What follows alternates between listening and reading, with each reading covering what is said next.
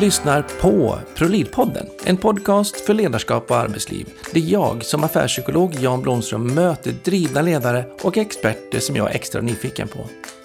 Och i just det här avsnittet, ja, då är jag extra nyfiken på inga mindre än Wenche Osnes och Niklas Larsen. Som är en VD-duo som har tagit över som VD-rollen på Mer Arkitektbyrå. Och vi kommer att prata en hel del om deras gemensamma delade ledarskap.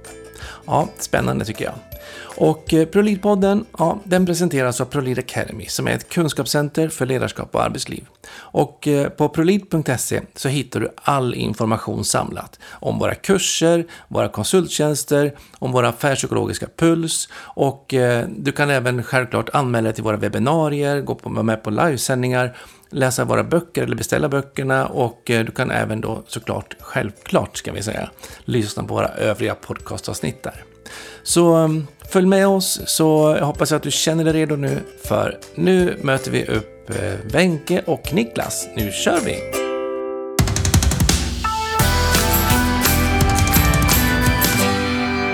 Hjärtligt välkommen till ProLead-podden säger jag till Wenche Osnes och Niklas Larsen. Tack så mycket. mycket. Vad spännande.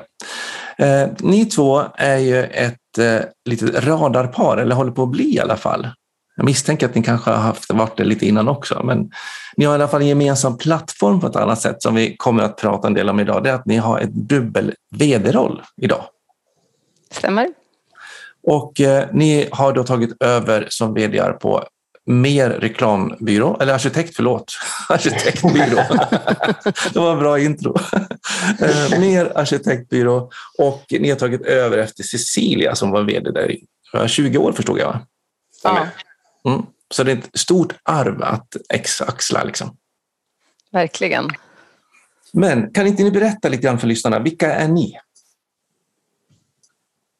Ska jag börja? Eh, Wenche Osnäs heter jag som sagt. Jag har en bakgrund inom HR. Jobbade som HR-chef eh, innan jag började på MER för ungefär sex år sedan. Mm. Eh, och på MER har jag jobbat med förändringsledning. Vi gör väldigt mycket kontorsprojekt så då har jag jobbat med just förändringsledning när man har valt att byta arbetssätt, kanske gått från sina egna platser till ett aktivitetsbaserat kontor eller sådär. Mm. Eh, så jag har min grund i HR från början.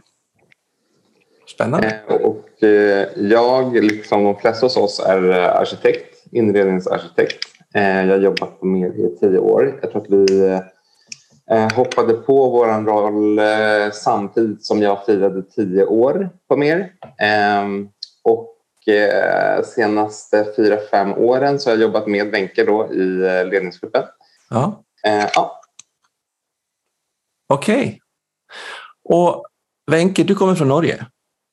Min mamma gör det. Din mamma kommer från Norge? Ja, ja. exakt. Det är alltid så roligt att leta efter lite så norska anknytningar. Jag har ju pluggat i Norge hela min utbildning, så jag bodde där i sju år. Just det, då är och du även... nog bättre på norska än vad jag är. ja, det vet jag inte. Men jag slog det över fall ganska mycket när jag bodde där. Eh, sen även min specialistutbildning tog jag i Norge. Så jag har varit mycket där. Och sen har jag en, eh, av, lite, en släkting som har flyttat dit och bildat sin klan i, av, av släkten, men det är en massa år sedan. Vad pluggade du för något? Eh, jag är psykolog i botten eh, och fördjupar mig i barnpsykologi och tog en specialistordning i klinisk neuropsykologi. Så min formella bas är det. Men sen fastnade jag en av mina första terminer av socialpsykologi och grupppsykologi, vad som händer när vi kommer tillsammans. Så det är det som har varit mitt, liksom, mitt professionsjobb. Jag jobbar i landstinget kort stund som neuro med rehabilitering och så, men sen är det liksom organisation och arbetslivspsykologin som är det som jag har haft som mitt huvudspår men mycket fusionerat med, med handikapp. Så personal som jobbar med, med olika funktionsvariationer, det är det som varit i min huvudrödaste tråd, om man säger så. huvudrödaste tråd, det var jätteroligt. Ja. ja då kan uh, du hjälpa mig och Vinke efter ett år när den här idén har kraschat helt och hållet, om den nu skulle göra det. Ja, men det kommer jag in och göra, absolut. Ja, det är härligt. Vi kan ta en uppföljning på podden också. Ja. Eh, men eh, vad, eh, vad fick ni för, för vad var det som hände då? Cecilia skulle kliva av och hur kom det sig att ni blev aktuella? Ja, men jag tror Cecilia hade som, eh, som sagt suttit 20 år på den här posten, var väldigt mycket ett med företaget som man naturligtvis blir efter så lång tid och sen kände hon att Nej, men nu kanske det är dags för mig att gå vidare eh, och började väl själv fundera på hur skulle en eventuell efterträdare för henne se ut och har tittat lite externt. Vi vet att det är svårt att rekrytera externt. Vi är ett väldigt starkt kulturdrivet bolag. Att hitta någon som liksom skulle kunna förvalta den kulturen och utveckla den hade varit ganska utmanande. Så hon började väl titta inåt innan hon började prata med styrelsen och var så här, jaha men Wenche, hon har de här egenskaperna, de har vi ju nytta av i en ledande roll. Niklas har de här, ingen har allt, men man Nej. kanske skulle kunna testa båda.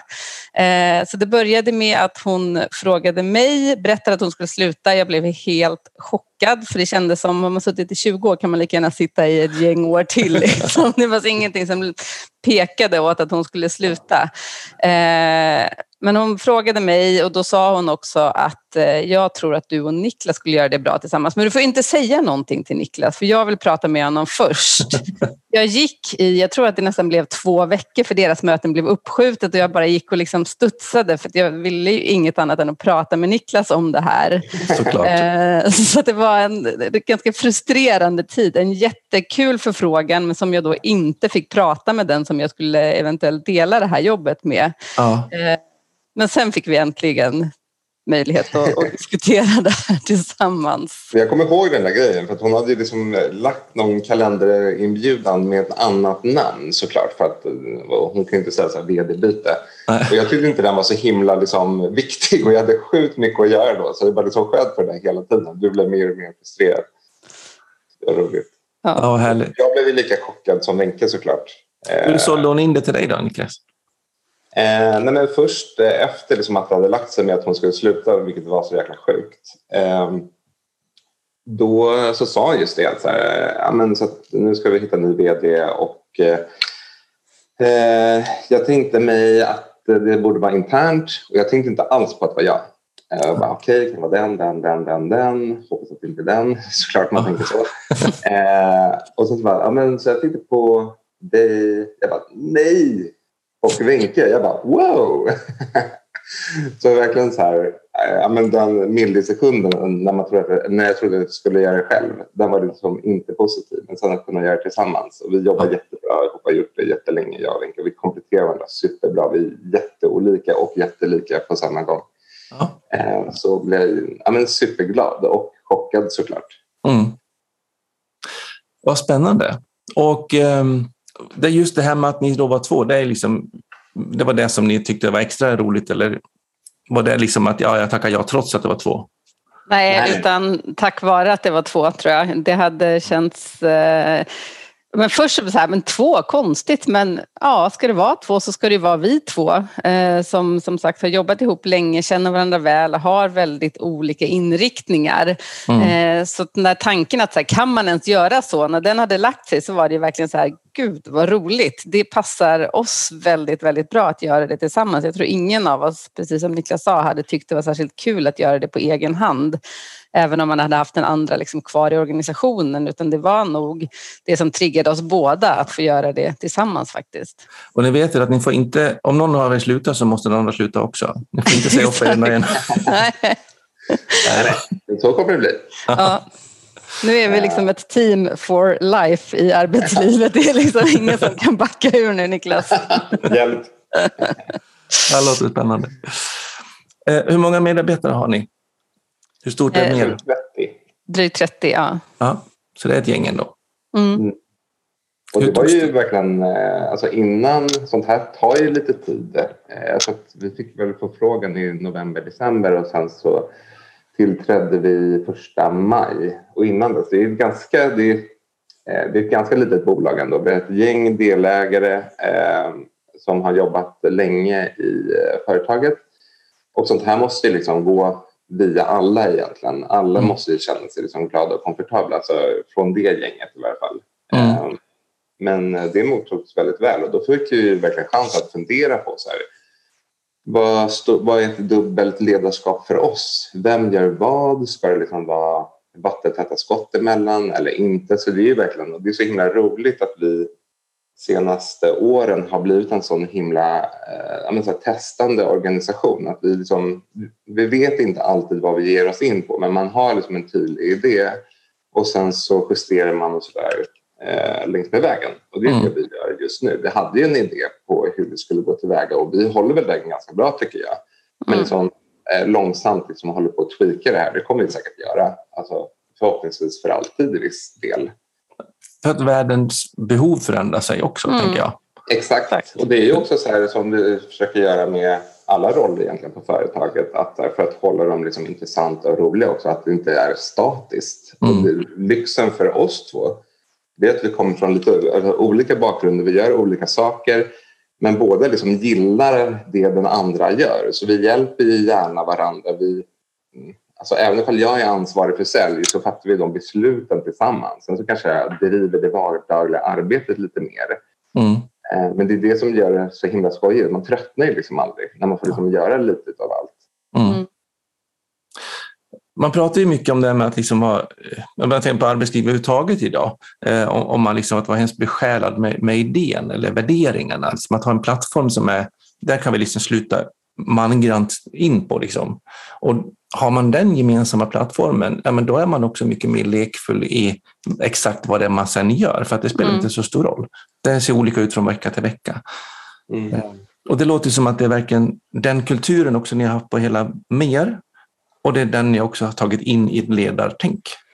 Ja men precis, jag tror inte att alla eller vilken annan organisation som helst hade reagerat så positivt på det här som våra kollegor gjorde. Utan för oss som Niklas sa så var det så här, ja men vi testar mycket, vi jobbar ju väldigt mycket med kontor, träffar mycket ledningsgrupper, träffar alla olika typer av organisationer, statliga, kommunala, privata, ideella. Så att vi får ju så mycket input om hur andra gör och är ganska liksom fria i tanken kring hur vi själva vill göra och inte fega heller för att testa och göra om om någonting blir fel. Och det tror jag att man man hela tiden har med sig det tankesättet gör ju att folk tycker så här, ja, ja, vi kan väl testa det, funkar det inte så får vi göra på något annat sätt. Men det finns inte ett naturligt motstånd som det kanske finns i andra organisationer att så här, jaha, nej, nej men det där, det där har vi testat förr eller det där tror vi inte på, utan det är liksom, man går in i olika idéer väldigt eh, positivt skulle jag säga. Ja. Och då tänker jag att det finns ju motstånd på ett annat sätt hos er då, i mina öron i alla fall. För att det traditionella är att man säger motstånd till förändring. Men hos er kanske det är mer att det är motstånd till icke-förändring? Ja, motstånd till stagnation är väl vår... ja, deras situation. ja. ja. Tänk vad coolt att ha dem in på allvarssamtal för att de, har, de, de liksom vill stå kvar. vad sa du? Att ha dem på allvarssamtal för att de vill vara kvar som vi har gjort förr. Ja. Det är inte okej okay hos vår arbetsplats. Nej. Ja. Men jag tycker det, är så, det har inte alltid varit så på mig. Det har verkligen någonting som har växt fram. Eh, mm. I början, även när jag började för tio år sedan, då var det inte riktigt den kulturen och nyheter var läskigt och lite konstigt. Så det är mm. verkligen någonting som jag har alla tillsammans arbetat fram med tid. Mm. Och sen kan det ju så här, vi, vi är så himla testande av så vi måste ju nästan hejda oss nu med så här, inte starta upp för mycket liksom, pilotprojekt och sådär utan att här, eh, det, det, är lätt när, när man sitter 30 kreatörer att det kan sväva ut. Eh, så det är vårt uppdrag nu också att liksom, eh, tämja det lite. Ja, och verkligen hitta den där balansen tänker jag. Mm. Ja, exakt. Så att man orkar ända i mål. Mm. Exakt.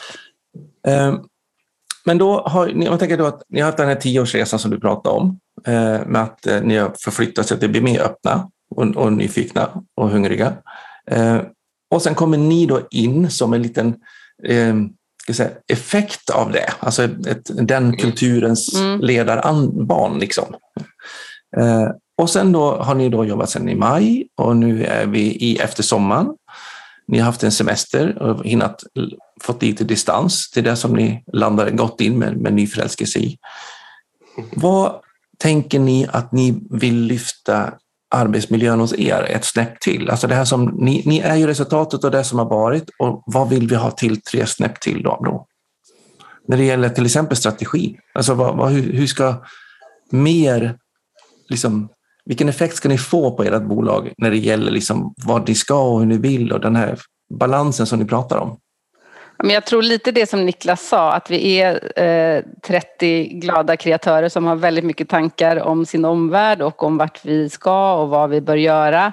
Och har testat väldigt mycket och har rört oss ganska brett inom vårt skrå också, inom olika typer av liksom, retail och, och hotell och restauranger. Och sen har vi ju haft hela tiden vår grund i arbetsplatser. Nu jobbar vi mycket med universitet och högskolor. Att försöka liksom, navigera lite i det och känna att så här, ja, men det har varit superkul att branscha ut och göra massa olika saker men vi har också så otroligt mycket kunskap inom just liksom, hur fungerar det på en arbetsplats eller i en skolmiljö. Att kanske lite mer landa i det där och nörda ner oss ännu mer så att vi inte blir för, eller upplevs för flaxiga heller utan att vi liksom på något sätt tar extra stort lid inom just de områdena. Sen gör vi gärna det andra också för att det är kul för folk med variation och jag tror också att det är det som gör att vi har väldigt långa anställningstider hos oss. Folk slutar inte på mer. Liksom, utan man, börjar man så blir man kvar där.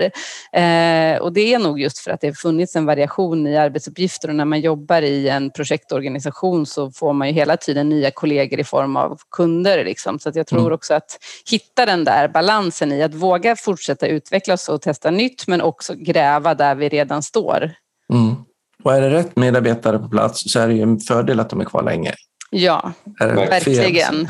Ja, nej, men jag, och jag som kommer liksom från HR-sidan och har jobbat länge inom HR vet ju hur, eh, hur negativt en låg personalomsättning kan slå på ett bolag. Mm. Eh, men hos oss är det verkligen inte så utan det är fortfarande väldigt liksom positiva och nyfikna personer. Det är inga som har fastnat utan jag tycker att eh, för oss är det väldigt bra med den här långa, de långa anställningstiderna. Ja.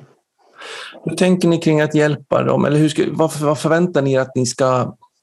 ska säga, hur ska jag formulera det?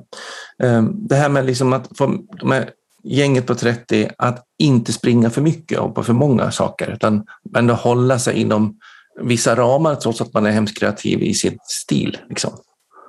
Vad tänker Oj, ni ni får till där?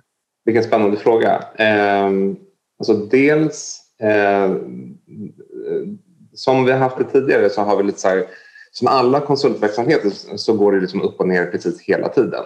Mm. Eh, och då är det väldigt lätt för oss att liksom starta internprojekt eh, där vi försöker utveckla nya tankar och idéer, vilket är jättespännande och jätteroligt. Men det är ofta de som liksom kommer från egentligen eh, de, de grundar sig inte i ett behov som vi har utan man gör bara någonting för att man känner att man behöver göra det just nu. Eh, och det har vi både gillat att göra och varit väldigt frustrerade över att behöva göra. Så det vi gör nu, jag och Wenche, det är att vi försöker skapa en bättre liksom, plan för hur vi vill driva företaget framåt. Och en av de beståndsdelarna är liksom att ha en utarbetad verksamhetsplan så att vi verkligen att vi planerar för nästa år vad det är vi ska göra. Mm. Eh, så att finns det internprojekt som behövs göras så planerar vi för det, vi kan budgetera för det så att det liksom får ja, tydliga ramar egentligen. Eh, och det bottnar också att jag själv känner att jag är också så här, men en jättekreativ person och det är väl därför jag också är på den här posten. Men för, för att kunna vara kreativ så behöver man tydliga ramar. Ja. Annars blir det bara men, en flum och det är mm. det vi verkligen vill motverka att det ska bli. För min erfarenhet som affärspsykolog, just det med, med, att jobba i kreativa verksamheter. Alltså, kreatörer är ju nästan som popcorn i en popcornpåse. Alltså mm. Det bara spruttar jag och har sig runt åt alla håll och ploppar. Men det behövs ju det påsen runt för att det inte ska bli mm. kaos. Om man nu tänker sig ja, för, för att man ska må bra och känna sig trygg. För det är ju en väldigt så här, det är ganska utsatt, alltså kreativa processer och så där. Det, det tar väldigt mycket. Eh, ja. Och, eh, och man blir så oskyddad. Ja, och när saker och ting inte blir färdigt och det bara lämnas så här halvgjort. Eh, det är jobbigt och det, mm. det försöker vi genom det här motverka. Mm. Jag tror också, eh, vi har, när Niklas och jag tillträdde så gjorde vi om lite i ledningsgruppen. Vi har en lite mindre ledningsgrupp nu. Eh, och sen har vi infört något som vi kallar forum som är att vi en gång i månaden eh, liksom diskuterar en fråga med hela gänget. Och det tycker jag också gör att det inte... Annars är det lätt att det dyker upp sådana här, varför gör vi inte så här? Vi borde göra så här. Nu har vi liksom en gång i månaden på vårt måndagsmöte eh, så diskuterar vi en, en fråga som berör oss internt eller en omvärldsbevakning bevakning eller vad det nu kan vara, vilket gör att det blir väldigt liksom centrerat när man diskuterar det och sen kan man gå vidare med ett resultat istället för att hela tiden liksom någonstans stå och trampa och inte komma vidare så kan man säga ja eller nej i det och det involverar ju också alla medarbetare. Så har man någonting som man vill diskutera eller ta upp då får man säga till det och så förbereder man det och så, så liksom har man antingen någon liten eh, enkät innan för att diskutera resultatet eller så gör man någon enkät under mötet och sådär. Så att det är också liksom strukturerat in det lite och att det inte bara poppar upp en massa goda idéer som ingen tar om hand heller utan att vi får lite ordning på det där. Och hur får ni dem att göra det och följa den rutinen? Ja, men hittills, nu har vi inte, det är inte jättelänge vi har suttit på den här posten och vi har haft en sommar här emellan också, men hittills har det känts väldigt, eh, liksom, ja, men folk har kommit och sagt jag skulle vilja göra det här. Vi har haft eh, en, Niklas var tidigare kreativt ansvarig på mer, nu är det en tjej som heter Lisa Brusch som är det. Och för att forma hennes roll på bästa sätt så gjorde vi det på ett forum för att inte hon själv skulle sitta och så försöka förstå vad folk vill ha ut av den rollen eller att vi skulle lägga eh, för mycket i den heller utan vad behöver medarbetarna för stöd av den som är kreativt ansvarig? Mm. Eh, för då blir det också lättare att, liksom, eh, att stå för ett beslut för alla. Då kan man inte komma sen och säga att det där var dåligt utan det här kommer vi fram till gemensamt. Så här skulle vi vilja nyttja den här interna resursen och sen mm. så kan man liksom implementera det och sen får man följa upp naturligtvis. Men jag tycker att det, har känts, det känns kul att alla är med. Eh, för det skapar ju en delaktighet. Som, och då kanaliserar man just den här liksom, kreativiteten på rätt sätt tror jag. Att man ger den lite ramar och man får någonting att prata kring. Mm. Eh, där alla blir hörda. Eh, så det känns också som en del i, vårt, ja, men i vår struktur framöver, hur vi vill jobba. Förstår de att det är så ni vill att de ska bete sig eller har ni varit tydliga med er förväntan? Eh, det, det, man tycker ju alltid själv att man är tydlig, så den frågan kanske borde ställas till medarbetarna. Men jag tror att just det där med forum har blivit väldigt tydligt. Vi hade något liknande som vi kallade öppna ledningsgrupper tidigare, som var tanken att vara ett sätt för ledningsgruppen att resonera med medarbetare kring saker som var aktuella. Men det blev aldrig riktigt den där liksom diskussionen, utan det blev mer ett rapporteringsmöte. Så jag tror just att vi har jobbat lite mer på formen och också sagt att ja, men de som har ett ansvarsområde de förväntas att, att dra, eh, liksom, att använda en forumtimme för sitt område för att komma vidare för att vi tror att liksom, 30 smarta personer är bättre än en. Eh, så att jag tycker att det känns som att folk har liksom hajat konceptet. Mm. Det kommer ju självklart ta tid innan det är helt naturligt att man kommer till oss med sina frågor och sådär. Men för mm. oss är det ett superbra verktyg och en av de alltså frustrationer som jag och Wenche kände innan var just det här att ledningsgruppen satt och tänkte så himla mycket kring vad, vad våra medarbetare kanske vill eller eh, olika beslut och sådär. Så det här var ett jättebra sätt för det. Mm. Och att vi gör mycket mer liksom, öppna så här, enkäter. Det kan vara vilken fråga som helst som vi bara kastar ut på Teams eh, mm. som man får vara med och fatta beslut om. Så eh, har man löst en sak istället, alltså på några timmar istället för att det ska gå några varv i en ledningsgrupp. Mm. Det är superbra för oss och eh, vad vi märker är väldigt roligt för medarbetarna att man är mer involverad i hur vi för företaget framåt. Mm. Eh, jag brukar, eh, just det med, jag brukar förorda mycket det här med att ge tydliga förväntningar och tydliga beställningar egentligen. Mm. Och jag tänker bara just med, med kreativa ansvariga rollen när den ska formuleras. Eh, att kunna egentligen gå in och så vara så pass överdriv, överdrivet tydlig och säga att jag har en roll att utforma när det gäller kreativ ansvarig. Vad behöver jag beakta? Jag vill att ni tank, liksom, ger mig input som jag tar med mig in på mitt rum och putsar och får ner. Så mm. kan man klippa och klistra i, i den inputen och sen mm. landa ett beslut, kanske ut på en remissvända. Vad tror ni om det här? Det här var resultatet av vad ni gav mig för input på förra forumet. Ja. Eh, är det här rimligt? Då blir det hemskt tydligt när man, liksom, vem har taktpinnen? Så mm. nu är det ni som har tio minuter på er typ, eh, ge input. Sen tar jag emot det. Tack så mm. mycket. Jag återkommer nästa månad och sen presenterar ett förslag. Så att den här turntakingen blir överdrivet tydlig. Mm. Ja. För oftast, i min erfarenhet i alla fall, kanske inte alls gäller hos er, men många andra ställen så Antingen pratar man inte alls, där är inte ni, eh, eller annars så blir det att man liksom bara har ett samtal kring det. Mm. Ja, och sen så Exakt, man och så inte, får man ingen action på det. Man vet inte vad som händer sen. Nej, och liksom, Nej. Tyck, lyssnar hon nu på mig eller Mm. vart jag inte? Eller hade vi Mm. ett samtal och så trodde jag att hon skulle göra och så gjorde hon inte det. Mm. Mm. Men det där blir supertydligt då när man vet att okay, nu jag tio minuter det förväntas att jag ska Mm. uttala mig. Det är mitt jobb Mm. att uttala mig. För då har du också möjlighet att göra en, en avvikelsemarkering. Om du tänker sig nu att ni har era 30 och sen här är typ 10 som aldrig bidrar. Mm. När, gör de, när beter de sig på ett sätt som inte riktigt är önskvärt för mer? Mm. Jo, det är då när de faktiskt inte bidrar på de här 10 minuterna. Mm. Då har de ett annat beteende för de sitter tyst och väntar in sina kollegor och duckar under radarn. Mm. Kanske inte Det vi- Det finns ju väldigt bra verktyg för att liksom eh, engagera de som inte brukar våga räcka upp handen. Och så där. där Ja. måste jag ändå säga att här, de digitala verktygen som har växt fram mycket i och med att man jobbar hemma och corona har varit väldigt så här, demokratiserande och så, här, Ja. så att många att man involverar alla. Mm. Eh, Det tycker jag är toppen. Ja, det håller jag verkligen med om. De här som gömmer sig längst bak efter väggarna i vanliga möten, Mm. de sitter ju mitt på samma nivå som alla andra. Verkligen. Och det har ju vi känt nu också. Att vi hade ju alltid måndagsmöten förut i, i stora konferensrummet. Mm. Då var det liksom alltid ja, men egentligen samma personer som räcker upp handen och pratar. Ja. Eh, och att så här, när vi nu snart kanske eventuellt kommer tillbaka till kontoret är det den bästa idén att ha det fysiskt eller borde det alltid vara digitalt? Ja. Mm. Eller hur kan man mixa det? Mm. Ja, För man får verkligen olika effekt. Och, och, Mm. och då kommer vi lite grann in på nästa fråga. Niklas, vilka är det som trivs under ditt ledarskap? Gud, Och vilka trivs under Wenche? Du kanske vill tänka lite grann så länge. Ehm, alltså jag tror att eh, de flesta trivs. nej, jag skojar. Eh, nej, men jag tror att eftersom vi har blivit en sån himla så här, utveckla, ett utvecklande företag. Vi gillar att det går framåt och att vi testar. Vi är ute där. Eh, och, eh, eh och jag tror att jag har varit den som har liksom stått för just det, liksom framåtandan.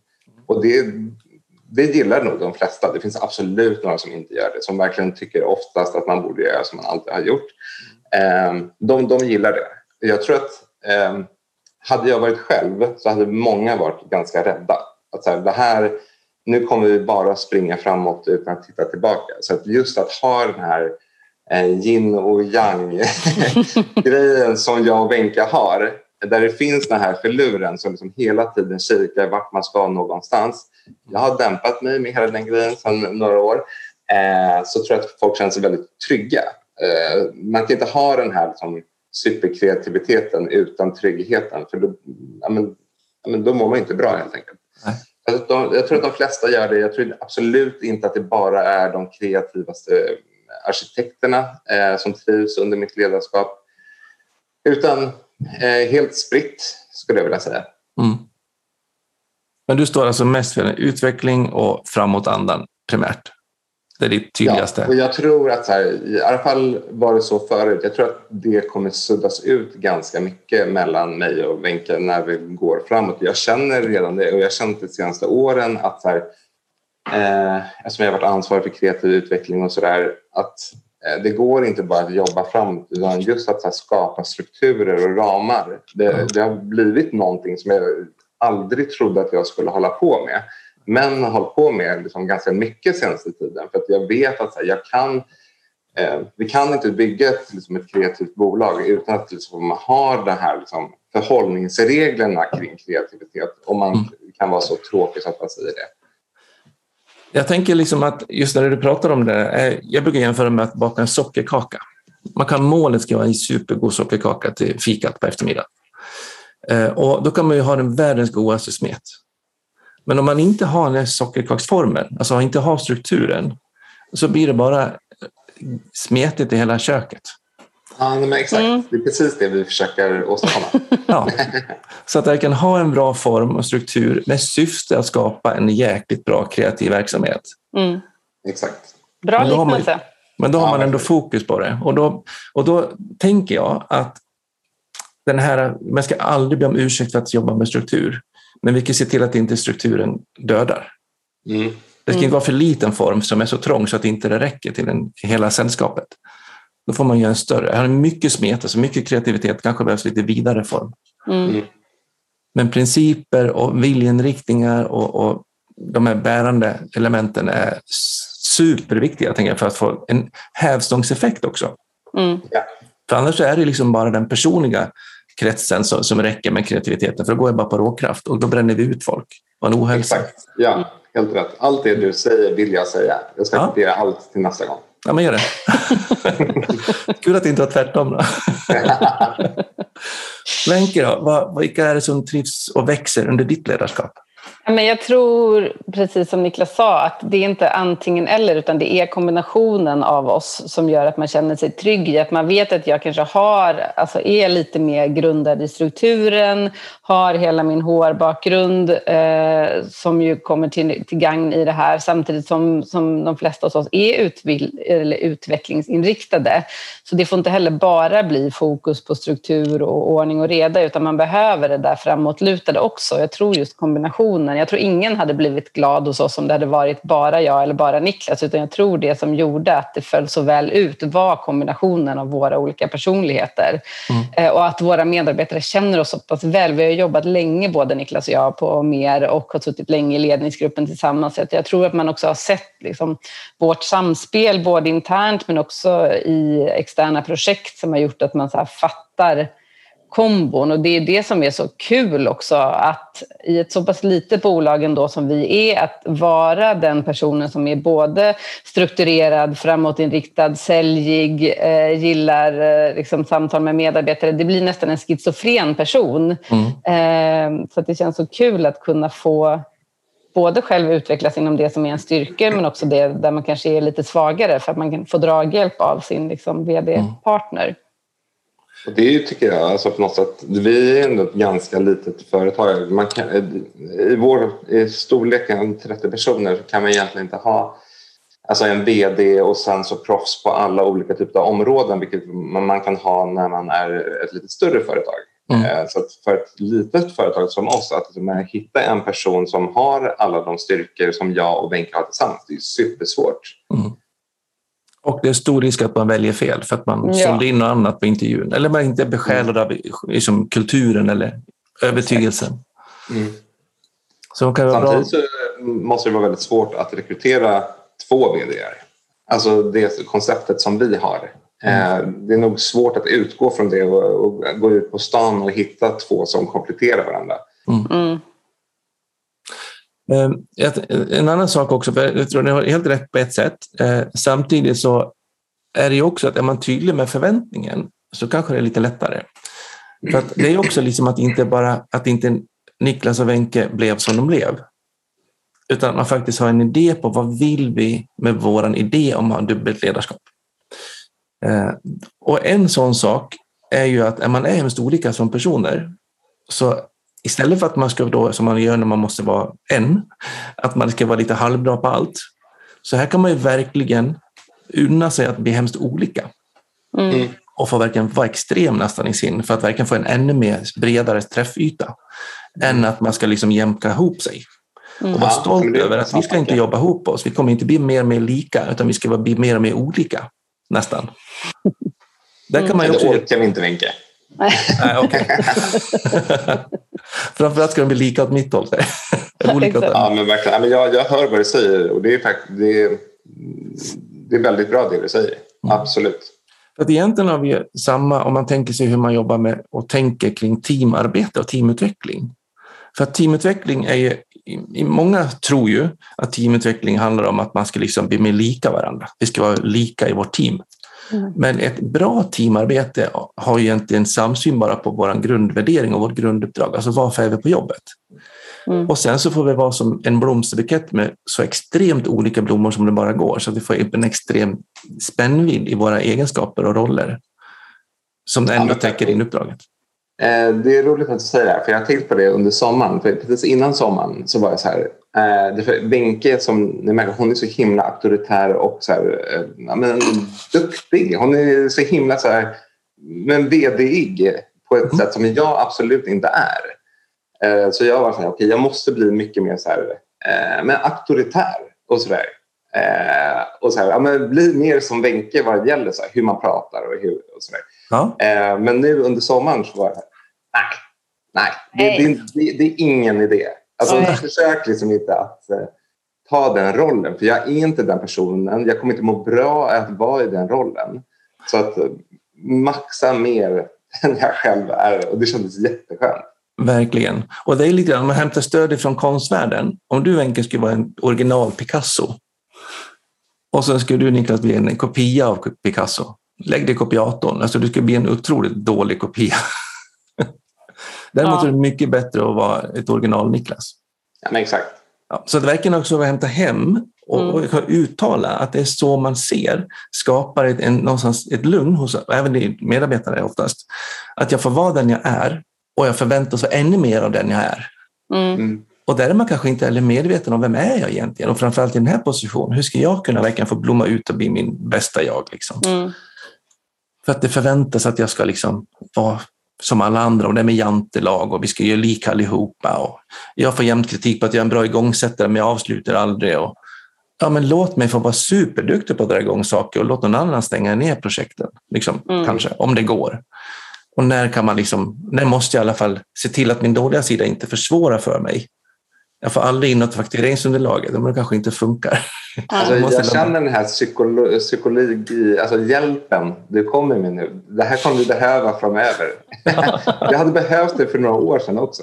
Ja, ja men det är lite spännande. Men en liten annan sak utöver det där, det kan ni klura vidare på. Det låter som ni är på jäkligt bra väg, spännande. Eh, men ni nämnde lite grann att ni har minskat er ledningsgrupp. Mm. Ja. Det är jag lite nyfiken på. Vad, vad, vad, vad tänkte ni och vad hoppas ni få till med mindre? Men vi tänkte, vi började med att fundera på vad behöver vi som kompletterar oss ytterligare i den här ledningsgruppen. För Cecilia hade byggt en ledningsgrupp utifrån vilka som var med då och vem hon var som person och vi kände att vi måste göra det utifrån vilka vi är och vad vi vill åstadkomma. Vi såg också att vi la ganska mycket mycket tid på ledningsgruppsarbete eh, och kände att här, men vi kanske skulle kunna göra det här på ett annat sätt, också som en faktiskt symbolhandling för att medarbetare skulle känna att här, nu är det något nytt. Det är inte bara att Cecilia lämnade ledningsgruppen och sen såg allting ut precis som vanligt, utan då hade det nog känts lite haltande. Så vi kände att vi vill göra vår egen ledningsgrupp. Vi vill ha upp hållbarhet högre på agendan, så vi har med Nicole Morell hos oss som är hållbarhetsansvarig och sen mm. har vi Viktor Morgården som är ekonomiansvarig. Så det är vi fyra. Mm. Eh, och det känns jättekul. Vi ska faktiskt i morgon ha en teambildning eftermiddag med övernattning eh, för att liksom få ihop oss ytterligare och just lära känna varandra ännu bättre för att veta hur de andra fungerar och vad man har för förväntningar på varandra och sådär. Eh, så att vi har tajtat till det och sen istället då breddat det här som vi pratade om tidigare som vi kallar forum för att mm. få in fler. Så att vi både gör det mindre och större någonstans, liksom våra eh, beslutsorgan. Så ja. det håller vi på och nu liksom testar oss fram på hur det kommer funka. Jag tycker också det ter sig också naturligt att här, Cecilia var själv. Hon behövde mm. ju mer stöttning. Jag och Benke har ju varandra. Vi pratar ju flera gånger om dagen. Ja. Um, ja. Hur många var ni tidigare? I ledningen? Eh, sex var vi va? Ja. ja. Mm. Eh, om ni nu åker iväg och är åt... om ni har en timmes möte i ledningsgruppen, mm. avslöjar inte min matteförmåga så på förmiddagen. eh, jag brukar prata med mycket om det med tidsbudget. Mm. Eh, och eh, när man då tänker på storlek på grupper och sånt där, Eh, så att är man sex personer och sitter en timme så sprätter vi liksom sex arbetstimmar på mm. en timme. Nu sprätter ni bara fyra timmar. Mm. Och varje arbetad timme är värd kanske 2-3 tusen för en ledningsgrupp. Lön och mm. liksom styrelsearvoden och lokaler och sånt där. Eh, så då skulle det bli egentligen 18 eh, 000 spänn skulle kunna komma en faktura på, på en timmes möte. Mm. Eller den andra. Och då tänker du hur många timmar sitter man, eller bränner vi på ett år? Mm. Och då har vi en ganska så stor fakturasumma. Mm. När det gäller hur nyttjar vi resurserna. Mm. Och fattar vi bättre beslut? Nej, om man är fler. Så det ligger för mig bara klockrent att mm. en liten beslutsfattande grupp som är snabb mm. i besluten, men däremot ska jag vara ett stort dammsugarmunstycke, brukar jag säga. som dammsuger in synpunkter och input Mm. som är underlaget för mitt beslut. Mm. Ja, och det är det som hela forum är till för. Liksom. Ja. Och då skulle jag vilja skicka med ett litet eh, affärspsykologiskt tips och, och lite big no-no. Det är att be om förslag till beslut. Utan Mm. alltid, alltid be om ett underlag till beslut. Ja.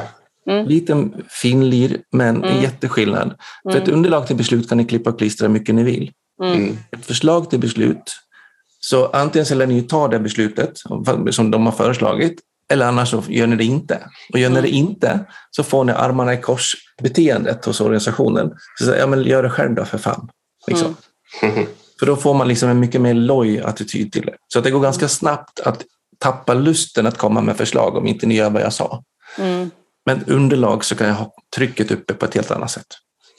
Ja, det är bra. Ja. För er som lyssnar också. ja, det var inte bara till oss. Nej, det var inte bara till er. Jag tror inte ni behövde det så jättemycket i och för sig.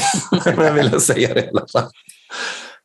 Um, mm, spännande, men det låter klokt. Ni har en så snabb och effektiv del kring det och ni har också fått en förskjutning på, på mer mot hållbarhet. Det tycker jag också verkar Mm. fräscht och gott. Eh, vad kommer ni, om ni har jobbat ett helt år, om vi skulle mötas nästa sommar och sen så lyssnar vi av, eller skulle jag fråga era medarbetare, vad skulle de ha gjort för förändring? Vad skulle ha hänt med dem på ett år med ert ledarskap? Jag tror att de kommer känna att de är mer delaktiga. Att de har... Eh, det som jag saknade eh, liksom för några år sedan det var ju just det här att jag vet inte vad som händer. Eh, jag vill veta mera. Och jag tror att det är väldigt... Det kommer nog aldrig, jag och Wenche, vara så att folk aldrig kommer undra någonting. Men jag tror att alltså, just känna delaktigheten, att den är betydligt större än vad den varit innan. Mm. Eh, För, förut var det många som inte visste vilka, exakt vilka som satt i vår ledningsgrupp. Det ska bli tydligt. Men just att man känner att jag är med och driver det här bolaget framåt. Det, det hoppas jag verkligen att många kommer känna om ett år. Mm. Och också att man känner vad den egna insatsen gör för skillnad för helheten. Eh, för vi, vi pratar också mycket mer ekonomi nu än vad vi har gjort tidigare. Vi går igenom varje månads bokslut med alla för att säga så här gick det, så här högt snittimmarvode fick vi.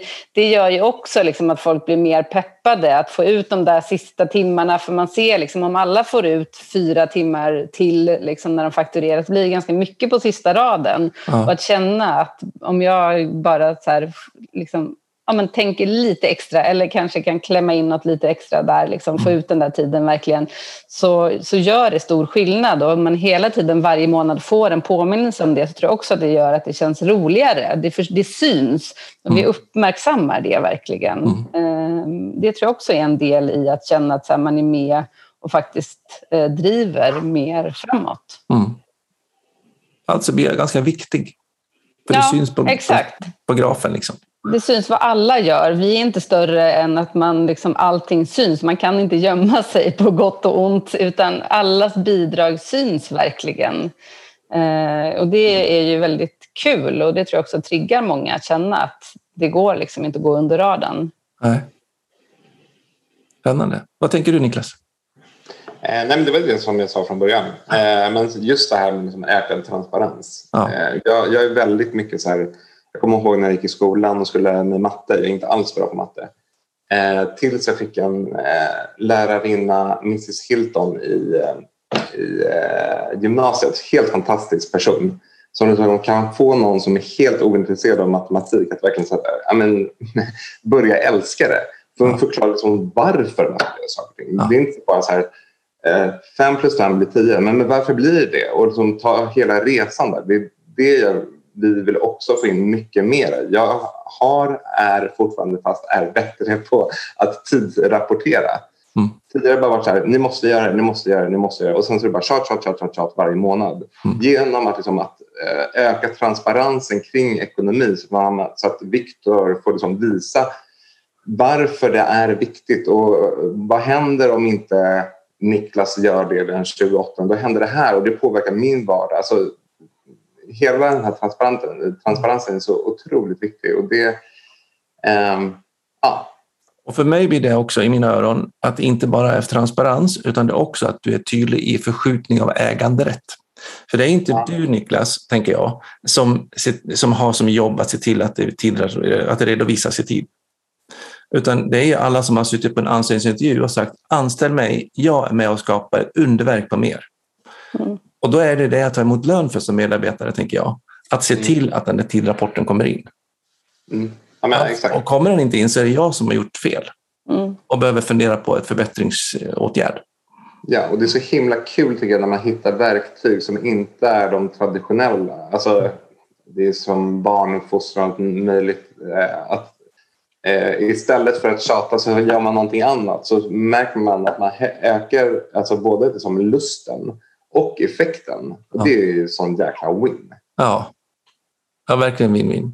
Men hörni, en liten, klockan rusar iväg så vi kan prata hur länge som helst. Men om, om eh, du Niklas skulle ropa in mig om ett år och eh, säga, hörru du, vi har fått en jättekonflikt i vår vd-grupp. Eh, jag tål inte Wenche, jag är galen på henne. vad, skulle, vad skulle vara topicen då? Vad skulle det vara för tema? Oj, oj, oj. Alltså om jag känner mig själv. Eh, eh, jag måste nästan få fundera lite på den här. Den är så jäkla rolig. Men jag tror inte att det hade varit Wenkes fel varför jag hade mått dåligt. Jag tror att mer jag som person, eh, jag är supersjälvsäker och jätteosäker. Eh, jag tror att det kan ha varit att det har blivit liksom en glitch mellan eh, oss. Att jag hade känt att eh, ja, Wenche var mycket mer liksom vd än vad jag är. Ja, att du, du lever inte upp? Vad, vad sa du? Att du inte fyller ut kostymen riktigt? Ja, men precis. Mm. Mer någonting sånt tror jag eh, än att eh, hon hade gjort någonting taskigt mot mig. Jag tror inte att det här någonsin kommer att hända. Eh, men jag tror att det mer, i, i så fall hade problemet nog mer legat på mig än på att Wenche hade gjort något fel tror jag. Mm. Det, det kommer, den slutsatsen kommer nog fram till när vi har jobbat en stund. Du, du ropar in mig för att det är fel på och när vi har jobbat med det så landar vi att ja, men det var egentligen din självkänsla. Exakt, ja. Och det har jag redan kommit fram till. Ja, så du behöver inte ropa in mig. Exakt. Stjärna i kanten. Wenche, vad skulle du kalla in mig till för? Oj. Eh jättesvårt. Det är liksom som i början av en kärleksrelation, tänker jag. Att så här, tänka vad skulle kunna gå fel här? För nu är vi fortfarande så himla så här, det är så kul, det är så svårt att se. Vi vet ju väldigt väl varandras liksom, styrkor och svagheter. Jag tycker också, i och med att vi har jobbat så länge ihop, så har vi lärt oss att hantera dem. Eh, men det skulle väl vara om Niklas vi har en överens, liksom en del i vårt delade vd är ju att det möjliggör för oss att jobba i projekt också.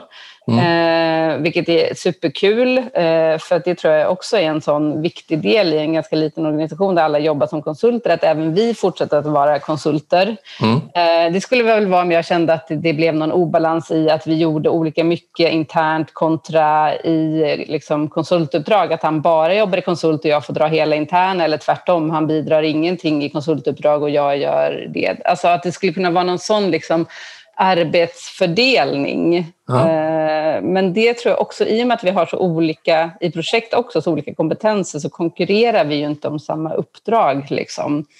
Men om jag ska försöka liksom, äh, krysta fram något så kanske det skulle vara en sån sak. Ja. De här frågorna, de är egentligen som att man skriver ett äktenskapsförord. Att man, mm. liksom, att man i alla fall har vågat tänka tanken att det skulle kunna, gör ju att när det väl, om det skulle väl hända, så är man mycket bättre rustad. Mm. Eh, även när det gäller rekryteringar så brukar jag ofta ställa frågan, liksom, om du nu skulle få allvarssamtal eller skriftlig varning eller få sparken för du måste gå från ett jobb, vad kommer vara anledningen då? Mm. Eh, att man får ganska mycket eh, insikter någonstans kring det och ofta så sitter vi inne med svaren, lite grann som du säger Niklas, att det egentligen handlar om mig själv. Ja, gudskelov, ofta kokar det tillbaka till oss mm. själva. Eh, men vi måste, er styrka är ju framsidan på era medalj, men ni har ju också en baksida på medaljen. Och en medalj är faktiskt värdefull eller komplett först när vi har både kontakten både fram och baksidan. Mm. Mm. Så att det är lite yin och yang och, och, det är det som är så gott. Sen ska vi ha fokus på det som är bra. Ni kommer att klara av det galant. Jättespännande att få höra er story. Jag hoppas att det inte punkterade den. Ehm. Nej, verkligen inte. Det var jätteroligt. All, all lycka till framöver. Stort tack. Och eh, om man vill kontakta er mer och få höra mer om vad det är ni liksom gör eller anlita era konsulttjänster eller arkitekttjänster, vad, vad får man ta på er någonstans? www.mer.se eller mer arkitekter på LinkedIn och eh, Instagram. Hur enkelt som helst. Sök upp kontakt, skapa underverk på era arbetsplatser och träffa härliga personer. Tusen tack för idag. Tack så mycket. Om du gillar avsnittet, ge då tummen upp och följ oss så blir vi jätteglada. Och passa även på att följa oss på LinkedIn, Instagram och Facebook. Både när det gäller ProLead och mig själv Jan Blomström, ja, så lär vi ju faktiskt känna varandra ännu lite bättre. Ta hand om dig så hörs vi vid vårt nästa avsnitt.